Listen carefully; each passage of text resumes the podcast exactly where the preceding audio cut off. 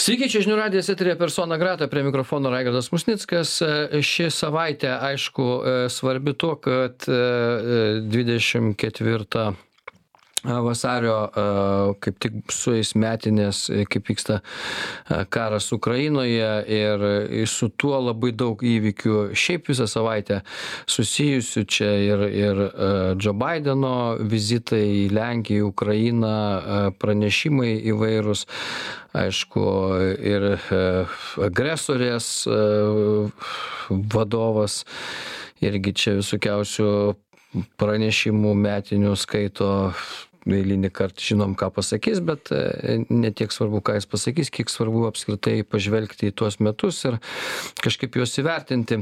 Ir uh, šiandien mes apie, apie uh, karą ir ne tik apie karą kalbėsimės. Šiandien pas mus laidoje buvęs NATO generalinio sekretoriaus pavaduotojas Atlantic Council bendradarbis Gedrimas Jeglinskas. Sveiki, Gedrimai. Labadiena. Smagu Jūs matyti, aišku, kaip visą laiką Jūs žmogus, kuris esate ir prisilietęs prie NATO struktūrų gana rimtai, ne kiekvienas ten gali pakliūti taip arti valdžios. Gal grįžkime prie, prie karo. 24 vasario prieš metus Jūs kaip kaip nato būstinė nato vadovybė pasitiko žinią apie tai kad prasidėjo karas Na, iš tikrųjų, labai pirmiausia, malonu čia būti, kaip visada. Ir norėčiau taip pasakyti, galbūt iki, iki pat pačios pirmosios karo dienos NATO iš tikrųjų darė viską, ką galėjo, kad to karo nebūtų. Buvo daromi įvairiausi viražai dėl diskusijų su Rusija, buvo sušauktas ir NATO Rusijos tarybos posėdis, kuris buvo ganėtinai keturių valandų maratonas, kur, kuriame realiai nieko nebuvo pasiekta, bet matėme tik tai Rusijos dalyvių pagėžą, panieką, neapykantą visai vakarų sistemai ir, ir tos pačius teiginius, kuriuos Putinas prieš tai kalbėjo ir to, tos pačius teiginius, kuriuos dabar vis dar girdime iš Rusijos valdžios atstovų. Tai, tai viskas tas buvo mėnesių mėnesiais tas ėjo iki tos, to, tarkime, dienos. Dabar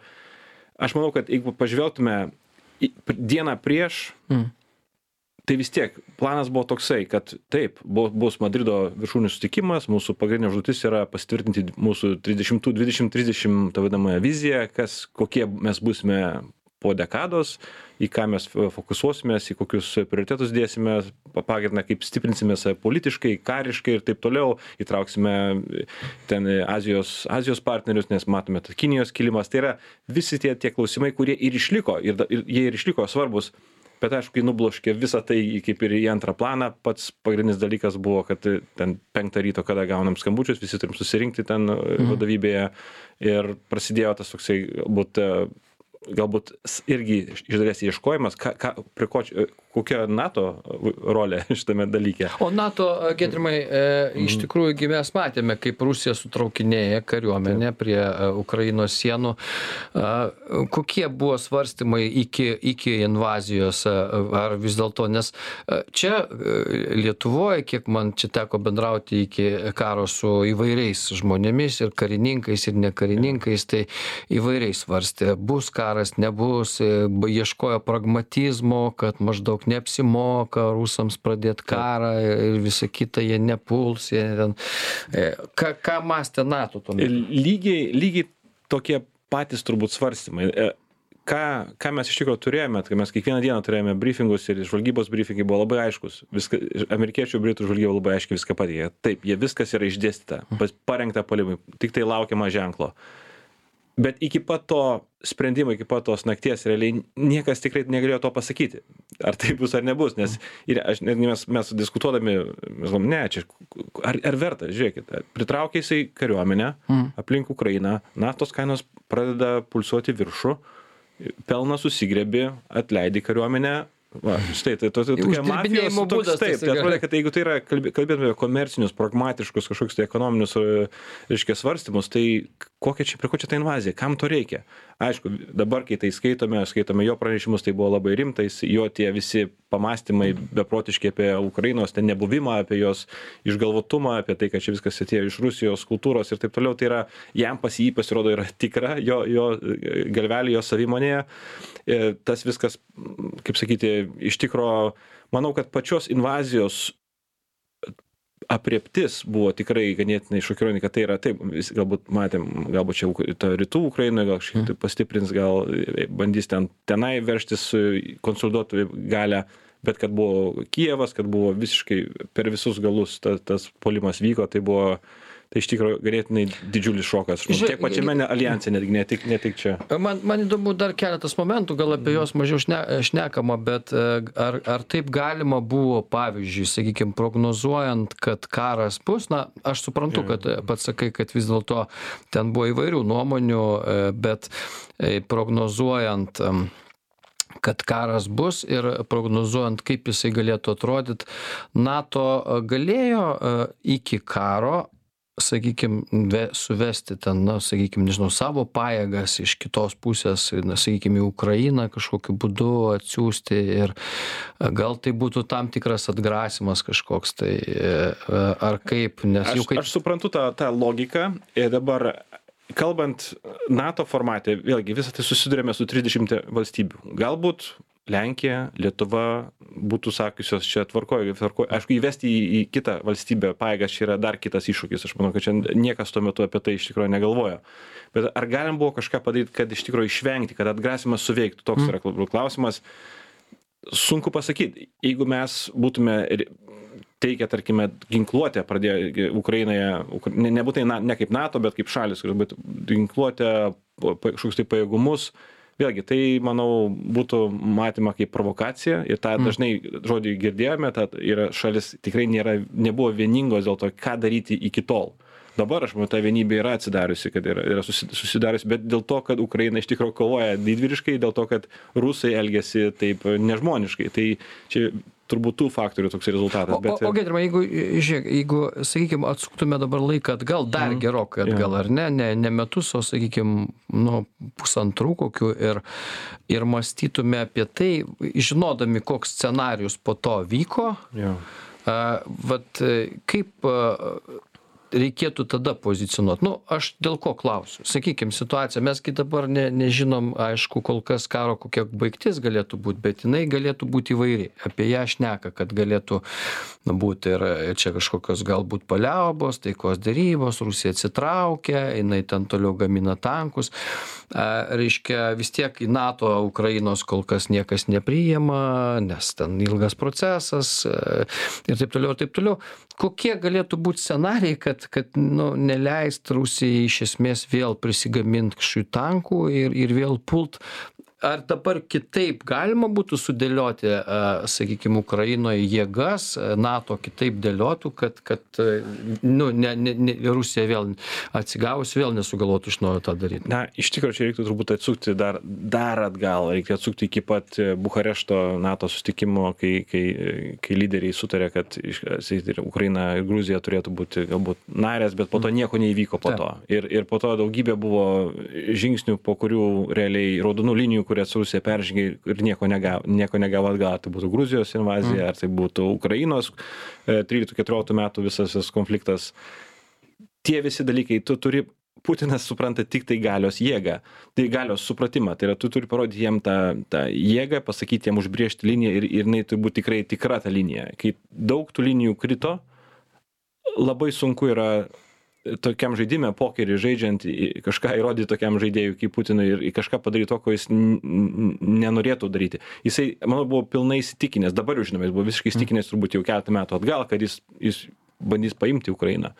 E, Ar tai būtų pilnai, ar nuversti valdžią, ar savo, kažkokį tai įkurti savo, savo, savo žmogų ten pastatyti, čia kitas klausimas. Bet čia net ne apie metų pusantrų klausimą, mes kalbame apie ilgalaikę, ilgalaikę turime toliau kovoti už demokratiją. Bet, bet, bet įsivaizduokit, Rimai, kad mes jau žinom, kaip atrodo vaizdas. Dabar ta- tada, e, kai, kai, kai, kai buvo Bukarešto, sakykime, tie samitai, tai e, na, ten e, galbūt nežinau, kodėl, kodėl tai pasielgta ir, ir aišku, dabar mes čia kaltinam, kad tada nebuvo priimta Ukraina, ten e, Gruzija ir, ir, ir į NATO, bet Bet dabar e, e, e, galbūt tada buvo mąstoma, kad čia nieko jiems negresia toms šalims ir, ir visa kita, kad čia, nu, bet, bet žinodami situaciją, kokia iš tikrųjų įvyko, ar dabar NATO kitaip elgtųsi, arba kaip turėtų elgtis, sakykime, nu, kad, kad būtų jau atgrasimas iš karto. Iš tikrųjų, mano nuomonė, kaip NATO pats kaip alijansas, jisai turbūt turi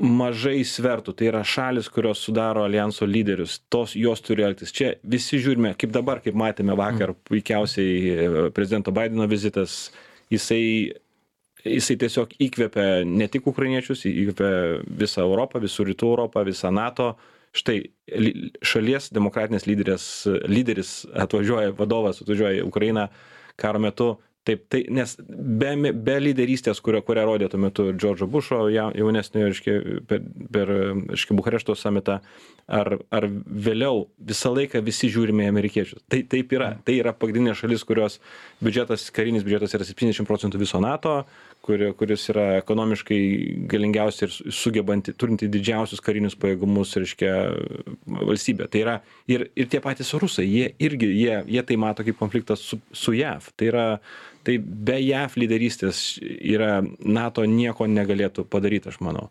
Bet kaip jau matome dabar ta lyderystė jinai nėra dingus jinai yra jinai e, ta kova apie kurią baidenas kalba apie kad demokratijos prieš autoritarines valstybes tai yra turėtų būti šio amžiaus iš tikro pagrindinė tema tema e, geopolitikoje tas vyksta. Ir čia mes esame tikrai geroj istorijos pusėje mes esam mes su su britais su visais su visa nato esame esame nato dalimi kas yra aš manau labai geroj istorijos dalyje.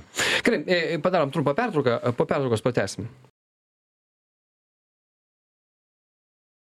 tęsiame persona grata. E, giedrimas jeglinskas buvęs nato generalinio sekretoriaus e, pavaduotojas e, atlantic council bendradarbis šiandien pas mus laidoje ir mes kalbamės apie tai kaip keitėsi nato požiūris į karą ir vat keitėsi jisai ginkluotės atžvilgiu sakykim pradžioj jeigu jeigu tiktai galima na lietuva čia ir lenkija sakykim baltijos šalys parodė lyderystę iš karto stingerius mes atidavėm kiek ten turėjom pirmas karo dienas ir ir ten be kalbų. A amerikiečiai savo dževelinus ten ir ir taip toliau bet e, bet vis tiktai tai buvo nu va tik tiek ginkluotės kai reikėjo žymiai daugiau ir ir ir turbūt tai nato panašu tuo metu svarstė ką daryti kokie svarstymai ten buvo dėl dėl ko tiktai va taip nu pradėjom nuo nuo nuo nuo dževelino o o dabar jau mes kalbam apie naikintuvus. Na jeigu prisiminsime pirmąsias karo dienas tai aš turbūt labai nu man bent įsiminė tai kad mes iš tikro visi pasmerkėme karą. Visi tai sakom taip rusija negali taip daryti tai yra absoliučiai neteisėta ir taip toliau. Kaip matėme ir kiek kiek ganėtinai buvo netgi liūdna stebėti mus pačius ten mm. tenai kaip mes teigiame kad taip mes esame stipriausias karinis politinis aljansas istorijoje ir mes smerkiame rusiją ir mes palaikome Ukrainą. Mm. bet mes, bet NATO, NATO gins savo sienas, reiškia ne Ukrainą, o gins savo mm. sienas. Ir tu matai žūstančius žmonės, matai raketas krentančias, ten prasidėjo ten po to ir bučios ir visa kita, kas, kas iškilo. Ir nieko mes kaip ir, mes toliau tik tai kalbame to toks buvo toks buvo jausmas kad iš tikro taip ganėtinai be bejėgiškai atrodo. Tai kas būtų jeigu o tai bent kėlė kas nors mintį o kad tai gal gal gal gal bandom pulti kažką daryti. ir le ir ir lenkija lietuva mes ir ir mes labai aiškiai turime mes tie rytų mes mes tai labai gerai suprantame čia būdami regione kas tai vyksta. tikrai siūlė bet ta vėlgi tai yra tai yra dideli sprendimai. Na apie nato pir pirmieji turbūt teiginiai kuriuos tiek iš tikro prezidentas baidenas tiek tiek generalinis sekretorius stoltenbergas išsakė tai kad nato čia nėra nato konfliktas o o baidenas mm. sakė kad amerikos kariai ne nekariaus šiame kare tai tai tas nu, labai gerai buvo nubrėžtos bet... Mhm. linijos kurios buvo galbūt nereikėjo reikėjo palikti šiek tiek tokio neapibrėžtumo dabar mm. žiūrėtume atgal jeigu bet buvo kaip buvo tai buvo sprendimai priimti visų aljanso sąjungininkų taip tai buvo. Dabar vėliau nes nes kodėl giedrimai aš klausiu šito dalyko čia įdomu nu tai įsivaizduokime kad mes nu turim kažkokią jėgą ir ten sakykim nu tas pavyzdys jisai nežinau kiek korektiškas bet bet e, bet esmė yra tokia kad nu pavyzdžiui ten kaimynas savo žmoną žudo ir ir mes būdami stiprūs nu e, galim sakyti pakviesim policiją ar ne skambinam policijai policija atvažiuos ten pas juos išsiaiškins jeigu patys nenorim eit. Bet šiuo karo atžvilgiu nėr policijos nėr kam paskambint čia mes esam mes esam policija mes ir šitoj vietoj svarstyti tai tai gerai tai ką neginam ten žūsta žmonės ir ir nu gerai aš suprantu lenkija turbūt baltijos šalys sakė darom ką nors ar ne o o kas stabdė o kas o o ką galim daryt? Mes mes savo pajėgų neturime mes savo tankų neturime mes ne ne mes vis tiek turime nu nei nato neturi nei mes nei mes lietuva Taip. lietuva turime tai yra mes turime labai mažas mažas pajėgas. Tai čia negali eiti vienašališkai turi vis tiek būti išlaikyti tą vienybę. Ir čia turbūt dabar atgal žiūrint tai turbūt yra taip tai buvo turbūt vienintelis teisingas sprendimas ką ką aljansas priėmė kad išlikti vieningiems. Vieni vieningi toliau smerkiam ir toliau po truputį didinam apsukas remiant ukrainą. Dabar kodėl taip įvyko O dėl ginklų e, siuntimo į Ukrainą nebuvo, nu, aš turiu omeny Jo. iš principo, kad kažkaip mes remiam Ukrainą, siunčiam ginklus, o nebuvo tokių, kuris sakė, ai, tai gal ir ginklų nesiunčiam dar. Taigi buvo, ma- matėme, aš matėme, vat, kaip buvo Ukraino, ta Vokietijos pavyzdys, kurie ten, taip, mes remiame 5000 šalmų, reiškia, mm. šalmais. Tai čia toksai dabar jau tampa juokeliu, reiškia, tokiu graudžiu juokeliu, kuris yra kaip, kaip neremti reikia, reikia šalių. Bet aš manau, e, vėlgi mes gyvenam demokratijose ir kiek- kiekviena šalis, kiekvienas lyderis, kuris ten priima tos sprendimus, jisai žiūri iš savo nacionalinės pusės, jis turi įvertinti vidinę politiką. Bidenas pri- ten artėjo artėjo vidurio šitie kongreso rinkimai. Jie tą, tą paramą išlaikyti, tą paramą sukurti pirmiausia yra tikrai užima daugy, daug poli- politinių machinacijų, kuris turi viduje, viduje atlikti. Tai, tai nėra taip paprasta. Mes nesame autoritarinės valstybės, kurios lyderiai ateis, sakys, viskas duodame tiek, tiek ir, ir einame pirmin. Tai yra ir, ir aišku, žmonių, reiškia, savo, savo karių įtraukimas, tai vėlgi, manau, yra, matėme Afganistano pavyzdį, Irakas prieš tai, tai yra daug turbūt at- atsargumo, kuris, kuris atsirado vakaruose. Bet matome, kad dabar, aišku, susidurime su, to, vei- su visai kitokio lygio veikėjų. Tai yra Rusija, kur yra brandolinė mm. gale. Ši brandolinė galia taip pat, aišku, yra tie tokie brandoliniai žvanginimai, kuriuos Putinas vis, vis išreikždavo. Tai yra, taip, galbūt juos. O tas stabdė turbūt labiausiai, ar ne? Turbūt vienas iš stabdžių turbūt e, visą laiką, jis vis dar turbūt yra tas vienas iš stabdžių, kad mes nenorime atviro konflikto, NATO nenori konflikto, turbūt ir JAF nenori atviro konflikto su Rusija. Dabar tai ką turime padaryti, tai toliau remti Ukrainą, kiek galime ir kuo labiau. Ir kaip matėme, tos raudonos linijos, kurios prieš tai buvo, jeigu pirmosios diskusijos buvo apie tai, ar siūsti mirtinus ar, ar letalius, ne, ar neletalius ginklus, kas yra absurdiškas klausimas, nes, manau, visi, visi ginklai yra iš tikrųjų letalūs save kažkokiu tai būdu.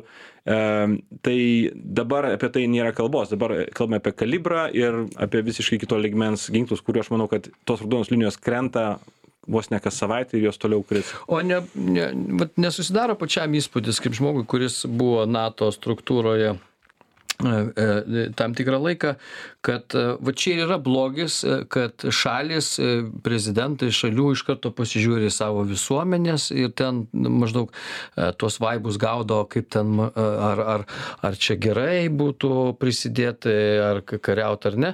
O jeigu, pavyzdžiui, pati NATO struktūra būtų tokia, kuri imperatyviai veiktų, nu, būtų kažkokia, nežinau, ten taryba. Automatizmas Ir, ir, jo, automatiškai. Ir jeigu e, NATO struktūra, ten, nežinau, sudaryta iš karininkų, politikų ar dar kažko, priema sprendimą, kad nu, mes turim dalyvauti šitame kare, tai e, e, valstybių vadovai ne, negali, reiškia, to kažkaip tai kvesionuoti. Gal, galiu pasakyti, čia du dalykai. Pirmas dalykas, netgi per, per antrą pasaulinį karą, kiek atsi, e, JAV neįsitraukė iki pat Pearl Harboro, iki pat vėlumos, ten daug, daugybė diskusijų vyko, tai nebuvo tai viskas automatiškai. Čia atrodo dabar, kad JAV atėjo ten ir, ir į- į- padėjo Europai nugalėti Hitlerį ten 41, 2, 3 metais. Dabar kalbant apie automatizmą, tai čia iš tikrųjų, aš manau, niekada šalis nepaleis savo savo sprendimų prieimimo ir galios, nes realiai galiausiai vis tiek prireiks ir resursų, ir karių, ir tų milijardų, neleis kažkokiai tai biurokratijai nuspręsti to. Ir tai neturėtų būti iš tikrųjų. Tai yra šalis, yra tos dalininkės. tada jie laisvas rankas turi prezidentai, sako, mes čia ne prie ko, nesidairytų į rinkėją, sakytų, mes čia ne prie ko. O, o kas tada, manau, yra įmanoma, kad tas rinkėjas sakys, ne, ne, mums šitas karas nepatinka, prezidentė lauk ir mm. jie tada, bet, išeinam iš NATO, iš viso, sakys, mes, mums nereikia. Čia vienas iš turbūt Trumpo buvo, pasakė, kad jis nenori, jie, jie turi būti tie sprendimo prieimėjai prieimėjai ir aš manau, kad čia yra, tai yra, tai yra demokratijos, tai yra demokratijų šalių klubas, kuris viskas pagrįsta konsensuso būdu, kas yra sulėtina, bet ir tuo pačiu, manau, sutvirtina. Ir turi veto teisę, kas yra čia vėl svarbu. Ir apie tai dar galim irgi paštėti. Padarom trumpą pertrauką, po pertraukos pratesim.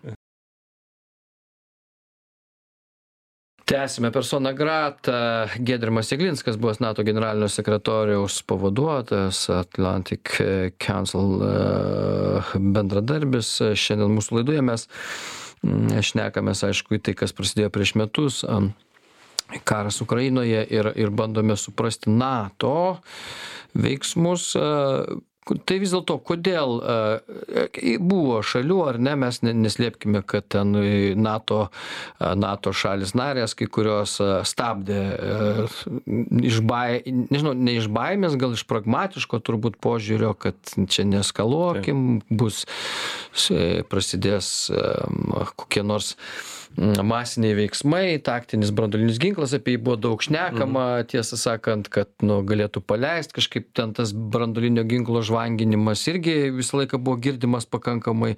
Svarstė ten kai medvedevas įšokdavo į trasą ir ką nors pasakydavo tai mm, visi ten suklusdavo. Paskui tas praėjo niekas pradėjo nebekreipt dėmesio nors nors branduolinį ginklą tebeturi rusija e, sakykim kiek jis ten veikiantis neveikiantis dabar sunku pasakyt bet e, ir ir tada irgi e, su tuo buvo susiję kiti veiksmai. Pradėta tiekti kita ginkluotė e, aišku artilerija pradžioj haimarsai paskui tankai dabar kalba eina apie naikintuvus ir ir ir taip toliau taip toliau. Tai nuo ko priklausė e, požiūrio pasikeitimas? Na, aš manau, kad tie tokie brandolinio ginklo žvanginimai, kurios, kurios Rusija labai yra išmokusi daryti, tai, tai darė ne kartą ir prieš šį konfliktą, yra svarbu išgirsti tai, bet vėlgi suprasti reikia, kad jie brandolinio ginklo panaudojimas, ką labai aiškiai pasakė iš karto Džeikas Sullivanas, nacionalinio saugumo patarėjas Bidenui, tai, yra savižudiška pačiai Rusijai. Tai yra absoliučiai tiesa. Tas panaudojimas atsisuktų labai greitai prieš, prieš ją, prieš, prieš valdžią, prieš visą, visą huntą, kuri yra, yra val- valdžioje. Dabar kalbant apie tos konvencinius ginklus, tai nuo ko prasidėjo viskas, aš manau, yra, yra turbūt trys faktoriai. Pirma yra ukrainiečių sėkmė kovos lauke, kurie įrodė prieš visus e, prieš visus tos, kurie, kurie netikėjo jais, kad jie gali kovoti ir jie gali atsilaikyti ir jie gali netgi atsimušti ir eiti pirmin. Antra, aišku, Rusijos nesugebėjimas kare to atlikti savo, savo tų paprastų užduočių, visiškas, visiškas, aiškiai, pralaimėjimas pa- paprastose situacijose. Ir trečias yra tas brutalumas, kuris, kuris pasimatė Bučoje ir kitur. Ta, tas toks kokteilis visų šitų faktorių, aš manau, tai rodė, kad taip, žiūrėkit, duosime, manau, permastę, čia netgi ne NATO, čia kalbame apie š- šalis, grinai konkrečias, kurios, yra, kurios turi tos, tas ginkluotės, kalbame apie didžiasias valstybės, kad taip, žiūrėkit, galim duoti Ukrainai vis daugiau ir daugiau ir jie gali vis toliau atsimušti ir netgi, žiūrėkit, gal net atsi- atsikovotas teritorijas. Bet ta, tam viskam turėjo ukrainiečiai parodyti savo valią, parodyti drąsą, parodyti sugebėjimą mūšio laukia iš tikrųjų įveikti rusus. Ir aišku, Rusijos tas nemokšiškumas, tas visiškas toks dar su, su savo tom visom dėdovčinom, su kitais kultūriniais aspektais, matėme, kad tai yra absoliučiai neveikiantis dalykas. Ir Bet čia va Tas- toks stebėjimas kelias dienas ir buvo, kol, reiškia, ėjo rusas į Kijevą, e, toks va stebėjimas, kas bus, nes o kas jeigu būtų paėmę, pavyzdžiui, Kijevą, jeigu būtų rusai užkariavę Ukrainą, e, NATO, jie būtų toliau jeigu darę? Zelenskis būtų išvykęs, ne? Nu, jeigu Tarkime, Zelenskis vat- būtų vat- išvykęs jo, Taip, tai kaip, kaip tada klausimai. reaguotų NATO, Em. būtų patenkinta, kad sienos, reiškia, Rusijos atsirastų arti NATO šalių? Tai sunku pasakyti, kaip reaguotų NATO, bet aš manau, kad e, jeigu mes kalbame apie čia riziką, Estijos prezidentė ir iškėlus riziką, kad štai jeigu čia, kadangi yra mažos teritorijos Baltijos šalyse, tai čia dažnai nepasirengimas karinis reiškia, kad teks atsikovotas teritorijas, jeigu, jeigu tai įvyktų. Su Ukraina mes niekada apie tai negalvojame, nes tai nėra NATO valstybė. Tai čia ar jinai bus Ukraina, ar tai bus čia Rusijos teritorija iki pat, e, turbūt apie tai, apie atsikovojimus jau nėra kalbos. Tai čia aš manau, ta ukrainiečių drąsa ir tas sugebėjimas nepasiduoti iš tikrųjų jis yra net, jis O tai kodėl išskirtinis yra. čia gedrimai įdomus vėl tada klausimas iš kitos pusės, o tai kam tada iš vis NATO davė Ukrainai ginklus? Ne, ne mūsų reikalas. Čia karas Ukrainos su Rusija, prie ko čia mes, o ką, tegul iš kur nori ten perka ginklus. Čia, nu, nebuvo tokio. Va, Na, tada, jeigu taip mes svarstom, kad, kad šalis ne NATO, tai ką dabar... NATO šalis, atsiminkime, NATO šalis niekada, ne, čia labai aišku, e, aš kaip sakau, NATO šalis duoda ginklus, bet ne NATO. NATO pats mm. nieko Nu, nesitraukia. taip. Ir kai matome, turbūt, aš kaip pasakiau, va- vakar, vakar mat- žiūrėdamas į prezidento Bideno vizitą Kijeve, turbūt e, apmaudžiausiai jaučiasi Jensas Stoltenbergas, nes turbūt jisai irgi norėtų ten būti. Kaip žmogus, kaip moralinis lyderis, kaip uh,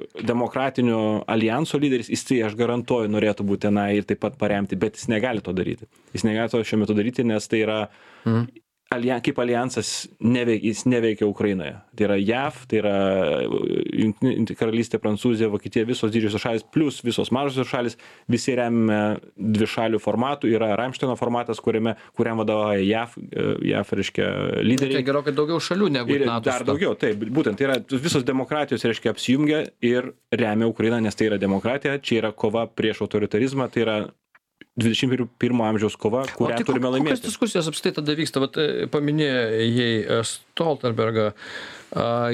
Jis apskritai kaip lyderis vat kaip jį galėtum charakterizuoti? Jisai toks daugiau diplomatinis veikėjas kuris nu bando surinkti nuomones iš nato šalių ir ir apjungti jas padaryt kokį tada ataskaitą ten nežinau tyrimą kokį. aš manau kad jis yra jis yra jis yra tas žmogus iš tikrųjų kuris sugeba man aš dažnai man užduoda klausimą tai kas bus sekantis kok kokio reikia sekančio koks tas bus bus sekantis generalinis sekretorius nes nes nes artėja artėja momentas artėja momentas jisai tuoj devyni metai tuoj baigsis tris kartus pratęstas yra visos šalys jį myli gerbia už jo diplom kaip ir diplomatiškumą už jo sugebėjimą ne tik kad sutelkti bet ir iš iš tikro reik turi išgirsti trisdešim šalių kalba. Ir visos kalba savo kalb visos nori savo interesus kažkokius tai gina.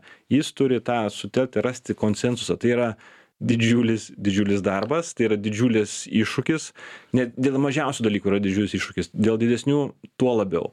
Ir čia čia nėra problema kad tai mažos nu sąlyginai mažos šalies renkami generaliniai sekretoriai turbūt čia yra tradicija kiek aš suprantu yra iš iš iš ma mažesnių valstybių ne tų didžiųjų madų diktatorių kurie ten turi ir ir didžiulius biudžetus. Ir kad jis nu toks yra truputėlį nu jis jis iš dalies yra galbūt neutrali figūra turėtų būti tarp tų tokių pietiečių vadinamų kurie seniau kur buvo tie buvo pietiečiai ir buvo šiauriečiai ir vakarai bet jis iš tikro aš manau kad jisai jisai kaip norvegas aišku čia to nor turėjome norvegą jungtinių tautų generalinį sekretorių yra jie turi tradiciją ta būt tokiais ganėtinai neutraliais. Bet neutra bet aišku neutraliteto neutraliteto nebelieka. Nėra šiame pasaulyje nėra neutraliteto ir jis tas tas kuris sugeba visa esmė yra jisai sugeba sutraukti surinkti valstybes aplink stalą iš išgryninti konsensusą ir jį aišku pristatyti įtaigiai ir pastoviai ant jis niekada neišeis už savo ribų kartais turbūt sudėtinga netgi morališkai tą iš bet jis išlieka nes tai yra aljanso nuomonė. Jisai galbūt kaip kaip kaip kaip lyderis kaip kaip žmogus jisai gal norėtų kažkaip dar dar aistringiau pasisakyti bet gerai o kaip tu pats manai vat trisdešim šalių susėda prie stalo ar ne? Ir ir vat nu priiminėt nu aš taip įsivaizduoju ir pirmom karo dienom ir ne tik pirmom viso karo metu kad skan pastoviai susėda ar ne? Taip. Ir kažkas vis tiek turi veto ten teisę. Įmanoma vat ko ko kas turi nutikti nu taip penktas straipsnis buvo aktyvuotas turbūt kai buvo rugsėjo vienuolikta ar ne? vienintelį kartą. Vienintelį kartą. Ir ir vat kas turi tada nutikti nes nu irgi galima sakyt o ką ką čia amerikiečiai susigalvojo dabar kodėl atrodo kad vat amerikos dangoraižių užpuolimas tai jau yra tas momentas juo labiau kad tai nebuvo šalis neužpuolė tai al kaida buvo teroristinė organizacija kas yra labai keista. O gavo į kaulus afganistanas turbūt ar ar kas ten ir taip toliau. Tai tai šitoj vietoj na vat kas turi kokio masto nutikt kad visi vienbalsiai priimtų sprendimą? Aš manau turbūt jeigu taip žvelgiant atgal aišku tas padėjo kad tai yra padėjo čia toks gal keistas žodis šiuo atveju bet kad tai vyko jav jav dangoraižiai ir mes mes stebėjome gyvai mes visi visas pasaulis stebėjome gyvai kas vyko tuo metu reiškia antra ypatingai antras lėktuvas tai mes tiesiog atsimenu aš karo akademijoj tuo metu mokinausi ir mes žiūrėjome grįžau po pirmos paskaitos ten buvo devintą ar dešimtą ryto ir visi sako įsijungti televizorius įsijungiam ir tu matai tą antrą lėktuvą įskrendantį tai yra labai viskas akivaizdu nato narių taip pat buvo žymiai mažiau. Atsiminkime tai buvo du tūkstančiai pirmi metai tai yra nepasakysiu kiek skaičių gal per pusę tai tikrai jeigu ne daugiau jeigu dar mažiau. Tai reiškia tą sprendimą priimti šiek tiek yra lengviau. Tai yra visos vakarietiškos tikros šalys nėra tų tokių tikrų rytų europos šalių kurios aišku yra tik tai gilesnės rėmėjos jav. Tai buvo labai akivaizdu ir kiek kiek teko kalbėt su lordu robertsonu tuo metu generaliniu sekretoriumi jisai surinko per penkiolika valandų jis turėjo tą sprendimą ir tas buvo priimta. Tai buvo labai akivaizdu. Dabar kalbant apie, nors tai kaip ir, kaip ir minim, tai yra Al-Qaeda, tai nėra kita priešiška valstybė, tai yra kažkokia tai organizacija, tarkim, nevyriausybinė, teroristinė organizacija, kuri yra glaudžiasi Afganistane. Taip, Afganistanas gavo tada, reiškia, tą, tą, tą piliulę turėjo nuryti. Dabar kalbant apie kažkokius tai scenarius, kurie, tarkim, rytų, čia Europoje, tai vėlgi, ką reiškia žali žmogeliukai, ką reiškia kažkoks tai hybridinės atakos pastoviai turime apie tai kalbėti ir aiškinti ir diskutuoti nato formatuose kad kad tos temos būtų nepamirštamos. Tos apie pabėgėlius kalbėjom apie kurie per baltarusiją ėjo. Lenkija lietuva iškėlė tuos klausimus nato tai buvo diskutuojama tada pamažu tai tapo tema kurią visi pradėjo suvokti kad čia taip tai yra vienas dalykas tai yra pabėgėliai kitas dalykas galbūt tai galėtų būti kažkokia tai hibridinė ataka ale ale kaip žmogi žali žmogeliukai kryme ar tai būtų nebūtų čia vienas kitas dalykas bet esmė kad turime mes pastoviai kelti savo klausimus. Čia yra mūsų diplomatijos mūsų karinės diplomatijos užduotis kad tą turime daryti ir iš tikro pats buvimas nato yra svarbus dalykas bet turime dirbti negalime nustot dirbti tuo klausimu Nes, aljanse. nes iš tikrųjų man įdomu, va čia, šiomis sąlygomis, e, kiek, kaip greitai būtų aktyvu. Nu, mes girdime iš, e, iš, iš Bideno, ar ne, ginsime ten kiekvieną colį. Galime girdėti tai iš e, Stoltenbergo, bet jisai nesprendžia. Jisai, Ne, kaip mes tik ką išsiaiškinom, ten susėda ir moderuoja nuomonės. Taip. Bidenas ginsim kiekvieną colį. Gerai jisai gins kaip Amerika, galbūt. Bet o kaip NATO aktyvos, neaktyvos susės 30 šalių ir bus ten kas nors sakys, ai, šios Baltijos šalis, pasižiūrės dar kas nors per petį, ką jo visuomenės galvoja to prezidento, kurios ten visai galvoja. Vienos mano, kad reikia gal ginti Baltijos šalis, kitos sako nebūtinai. Ir kas tada, per kiek laiko, va, esant va, dabar realiai žiūrint, aktyvuotųsi penktas straipsnis. invazija bet kokia agresija prieš prieš nato valstybę būtų iš karto na aš negaliu pasakyt minutės valandos čia kiek čia kiek tai užtruktų bet aš manau kad dabar žvelgiant į situaciją ir kai kaip šalys visos trisdešim šalių supranta dabar šitą situaciją kas vyksta. Čia ne nekalbam kas buvo prieš karą. Dabar tas iš tikro mums turime dar daugiau sąjungininkų mūsų mūsų teritorijoje.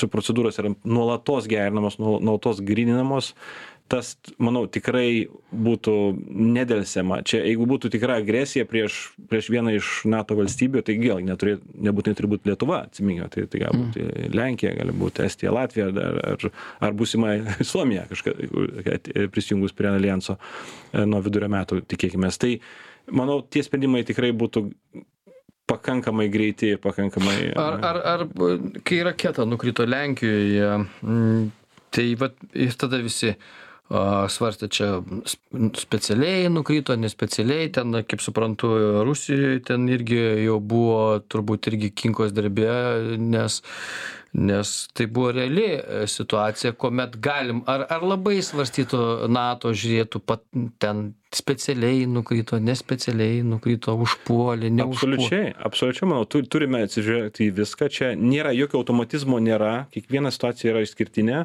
Ir čia, ką matėme, ir aš manau, kad ši- šiuo atveju, tos raketos nukritimo Lenkijoje atveju, tai NATO viduje tie sprendimai buvo priimti labai šaltai, skaidriai ir, ir labai pragmatiškai, taip kaip ir turėtų būti. Iškai nebuvo nieko sureaguota, nebuvo, nebuvo kažkas supanikuota. Taip, buvo atlikta labai paprasta, nu, rimta analizė ir su, su, su, surasti taškai, kas čia, kas čia iš tikrųjų įvyko. Ir manau, taip ir turi būti. Nu, ne, negalim irgi eiti į konfliktą dėl, dėl kažkokio tai netikėto ar čia kažkokio atsitiktinumo.